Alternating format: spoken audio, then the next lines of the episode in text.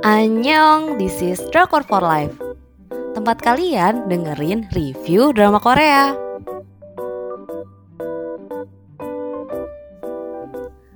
Review drama Korea Hometown Caca-Caca dengan stasiun penyiaran TVN tanggal penayangan 28 Agustus sampai dengan 17 Oktober 2021 Jumlah episodenya 16 episode untuk ratingnya 5 dari 5 Seseru itu kah? Iya seseru itu banget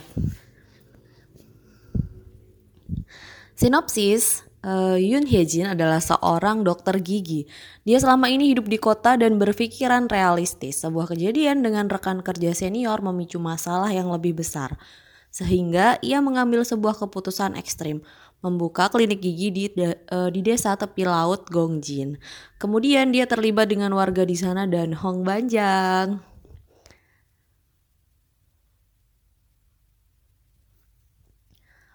alur ceritanya tuh super positif vibes banget. Cerita utamanya ya tentang penyesuaian diri Hyejin, si anak kota yang tiba-tiba pindah ke desa. Banyak konflik yang muncul tapi bukan benci-bencian. Hmm, aku bersyukur banget drama ini punya durasi yang lebih panjang dari durasi biasanya. Tapi menurut aku tetap kurang aja uh, tahu nggak sih sebenarnya drama ini tuh adalah hasil remake film Korea tahun 2004 yang berjudul Hong Bajang. Eh maaf Mr. Hong ya kalau uh, judul ininya, judul yang di bahasa Inggris kan ya. Hmm, intinya ceritanya sama, tapi di drama ini dikembangkan menjadi lebih mantap. Jadi aku baca sinopsisnya ya. Si Hong Banjang di filmnya itu digambarkan dengan terlalu sempurna. Sedangkan di drama ini dikasih masalah psikologis yang membuat Hong Banjang ini agak misterius. Kenapa dia lulusan universitas terkenal cuman kerja serabutan di pinggir pantai? Konfliknya bakal seputar warga Gongjin. Di awal-awal bakal banyak konflik kesenjangan antara Hyejin, si orang kota dengan warga Gongjin sebagai warga lokal. Jadi Hyejin eh, nggak uh, kebiasa sama pertemuan warga, kerja bakti kayak gitu loh. Uh, sedangkan warga nggak kebiasa lihat uh, baju si dokter pas jogging pakai legging dibilang telanjang. Hmm, meskipun gitu nggak ada penjahat di drama ini. Mereka yang memerankan kehidupan orang-orang pada umumnya. Ya gibah, ya tapi nggak punya niat jahat gitu loh atau pengen orang lain terluka jadi drama ini menurut aku natural banget gitu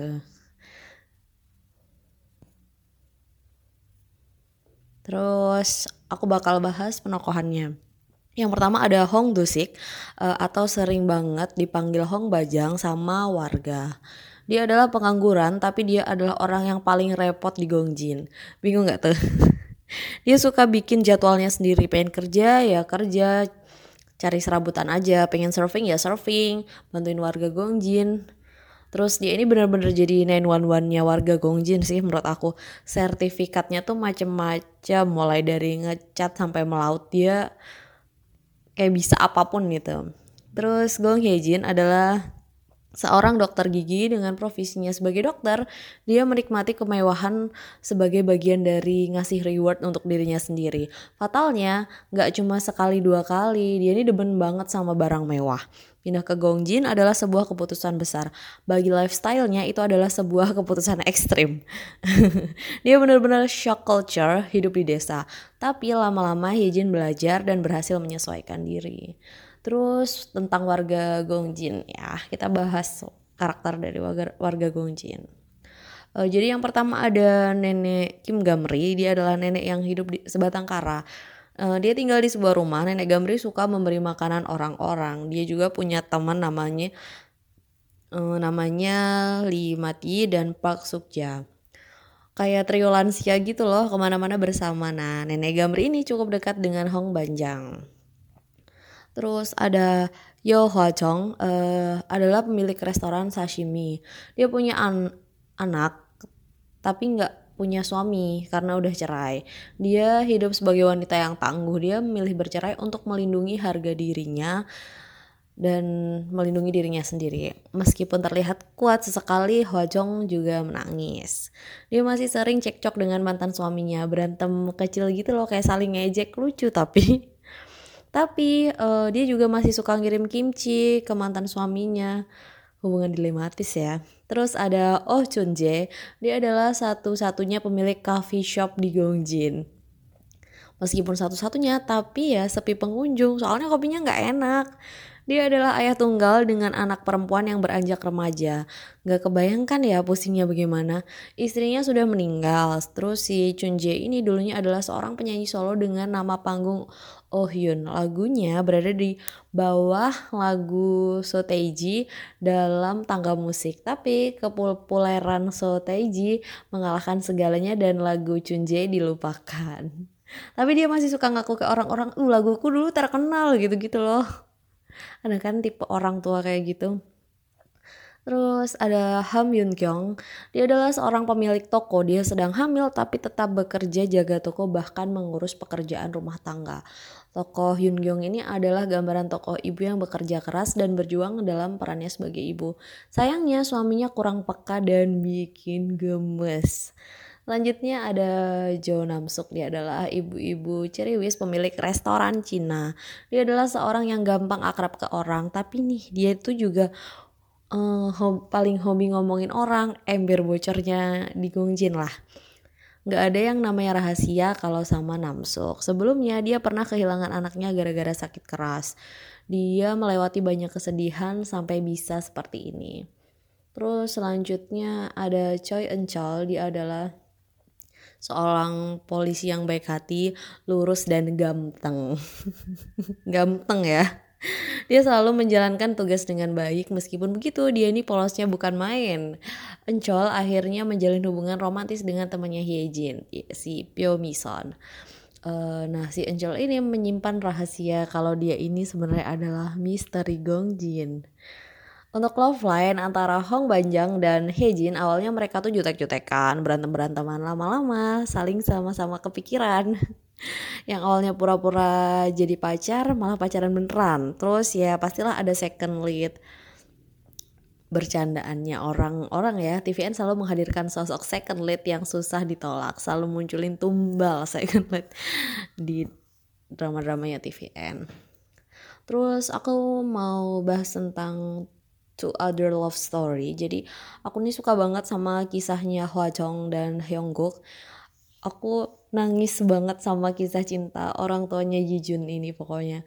Mereka cerai tapi masih hidup satu lingkungan, bahkan saling ketemu dan berhubungan untuk kerjaan. Awalnya Hwa Jong dan Yongguk ini sahabatan, tapi ada satu orang lagi nih namanya Cho Hee. Nah, Yongguk ini awalnya suka sama si Cho Hee ini, tapi Cho Hee pulang ke rumahnya dan gak balik lagi. Akhirnya jadi nikah sama Hwa Jong.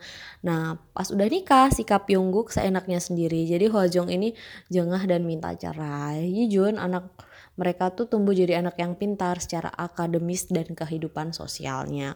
Part yang bikin aku mewek itu justru sikapnya Yijun. Di hari dia tahu orang tuanya rujuk, dia menghilang. Sekampung nyariin dia. Taunya dia ngumpet. Terus dia nangis saking senengnya. Tapi dia nggak mau orang tuanya tahu dia nangis. Duh, ini part ini sangat sentimental sekali ya. Terus ada Jo Namsuk dan Oh Juri. Nah, Namsuk ini adalah seorang milik restoran Cina yang udah aku bahas tadi. Uh, dia karakter yang sangat ceria dan mudah bergaul, tapi dia punya set story tentang anaknya. Anaknya harus meninggal kan karena sakit keras. Di sisi lain, Oh Juri adalah anak dari Oh Chun Jae. Juri hidup tanpa ibu. Nah, Namsuk dan Juri ini kayak kepingan puzzle yang saling mengisi gitu loh. Bisa kelihatan banget pas nonton drama ini. Namsuk nganggep Juri tuh kayak anaknya sendiri, sering ada di elus dipegangin gitu. Tapi meskipun gitu um, si Jo Namsuk ini nggak punya love line sama Oh Chun Jae. Jadi cuman antara uh, si Namsuk sama anaknya Chun Jae itu. Setelah aku googling sana sini ternyata aku mendapati bahwa nama Gongjin bukan nama sebenarnya. Sebenarnya jadi Gongjin itu ada kayak desa imajiner yang diciptakan untuk drama ini Terus sebenarnya apa sih nama daerah itu? Jadi syuting drama Hometown Caca ini sebenarnya dilakukan di kota Pohang di provinsi Gyeongsang Utara. Jadi pengambilan gambarnya beneran dilaksanakan di kota Pohang, cuman dibuat namanya jadi Gongjin. Uh, buat kalian yang pengen tahu jadi di sana itu sebenarnya banyak banget tempat wisata atau hmm, destinasi wisata yang difokusin dan masuk ke dalam drama ini apa aja Yang pertama ada Pantai Wolpo. Pantai ini tuh adalah pantai yang muncul di scenes awalnya Pak Dusik sama Hejin pertama kali ketemu. Yang Hejin di pinggir pantai dan Dusik lagi surfing ini loh. Nah pantai itu lebarnya 900 meter, airnya bersih serta permukaannya yang cukup dangkal emang nyenengin banget. Terus selanjutnya ada Chongha Market. Dia adalah pasar tradisional yang berdiri sejak tahun 1920-an. Lucunya, pasar ini cuma buka di hari-hari tertentu. Beberapa tempat di Chongha Market dijadikan set drama. Di antaranya ada toko perkakas gemcol. Terus ada kafenya Chunje dan toko kelontongnya Bora. Itu adalah wilayah di uh, kawasan Chongha Market. Terus selanjutnya ada yang Port adalah pelabuhan besar untuk ikan-ikan. Pelabuhan ini terletak di pemukiman nelayan, jadi bisa dibilang pelabuhan ini adalah sumber mata pencarian utama warga di sana. Di pelabuhan ini jadi tempat datangnya ikan-ikan segar dan juga terdapat area pelelangan ikan. Dalam drama, yang Popot muncul saat Yejin gak punya uang cash dan dia harus bayar kopi, jadi dia pinjam ke Dusik dulu. Terus dia disuruh kerja bersihin perut cumi itu loh yang since awal. Terus selanjutnya ada Mukenbong Hill atau Sabang Memorial Park. Dengan kawasan selu seluas 45.000 hektar ini dibuat untuk memperingati 100 tahun pengenalan proyek pengendalian erosi di Korea Selatan. Taman ini didedikasikan untuk pusat pendidikan pengendalian erosi dan destinasi wisata. Dalam drama, perahu ikonik itu adalah milik Hong Banjang yang uh, dari kakeknya. Jadi tempat uh, Mukenbong Hill itu ya itu yang ada perahunya si Hong Banjang itu. Terus selanjutnya ada Chongjin Turi Breakwater uh, adalah tempat mercusuar ikonik. Tempat ini instagramable banget. Cakep buat foto. Birunya laut dan langit ditambah mercusuar yang merah terus menjulang 10 meter. Banyak banget sih scenes di tempat ini. Kalian mesti inget banget. Uh, banyak yang bilang drama ini tuh healing banget. Ya emang sih asli. Nggak cuman katanya doang menurut aku. Drama ini tuh mm, nampilin slice of life banget. Ya penokohan digambarkan dengan manusiawi. Mereka tuh pasti aja punya masalah dan kekurangan. Jadi menyenangkan sih aku nonton drama ini tuh. Nice drama lah pokoknya. Bakal rewatch rewatch suatu hari yang jelas drama ini bener-bener nggak ngecewain uh, bener-bener rating 5 dari 5 itu cocok banget lah jadi itu tadi review drama Korea Hometown Caca-Caca terima kasih sudah mendengarkan Buat kalian yang pengen dapat daily update, kalian bisa cek di Instagram kami @drakorfolive. Jangan lupa live-nya pakai Y. Terima kasih.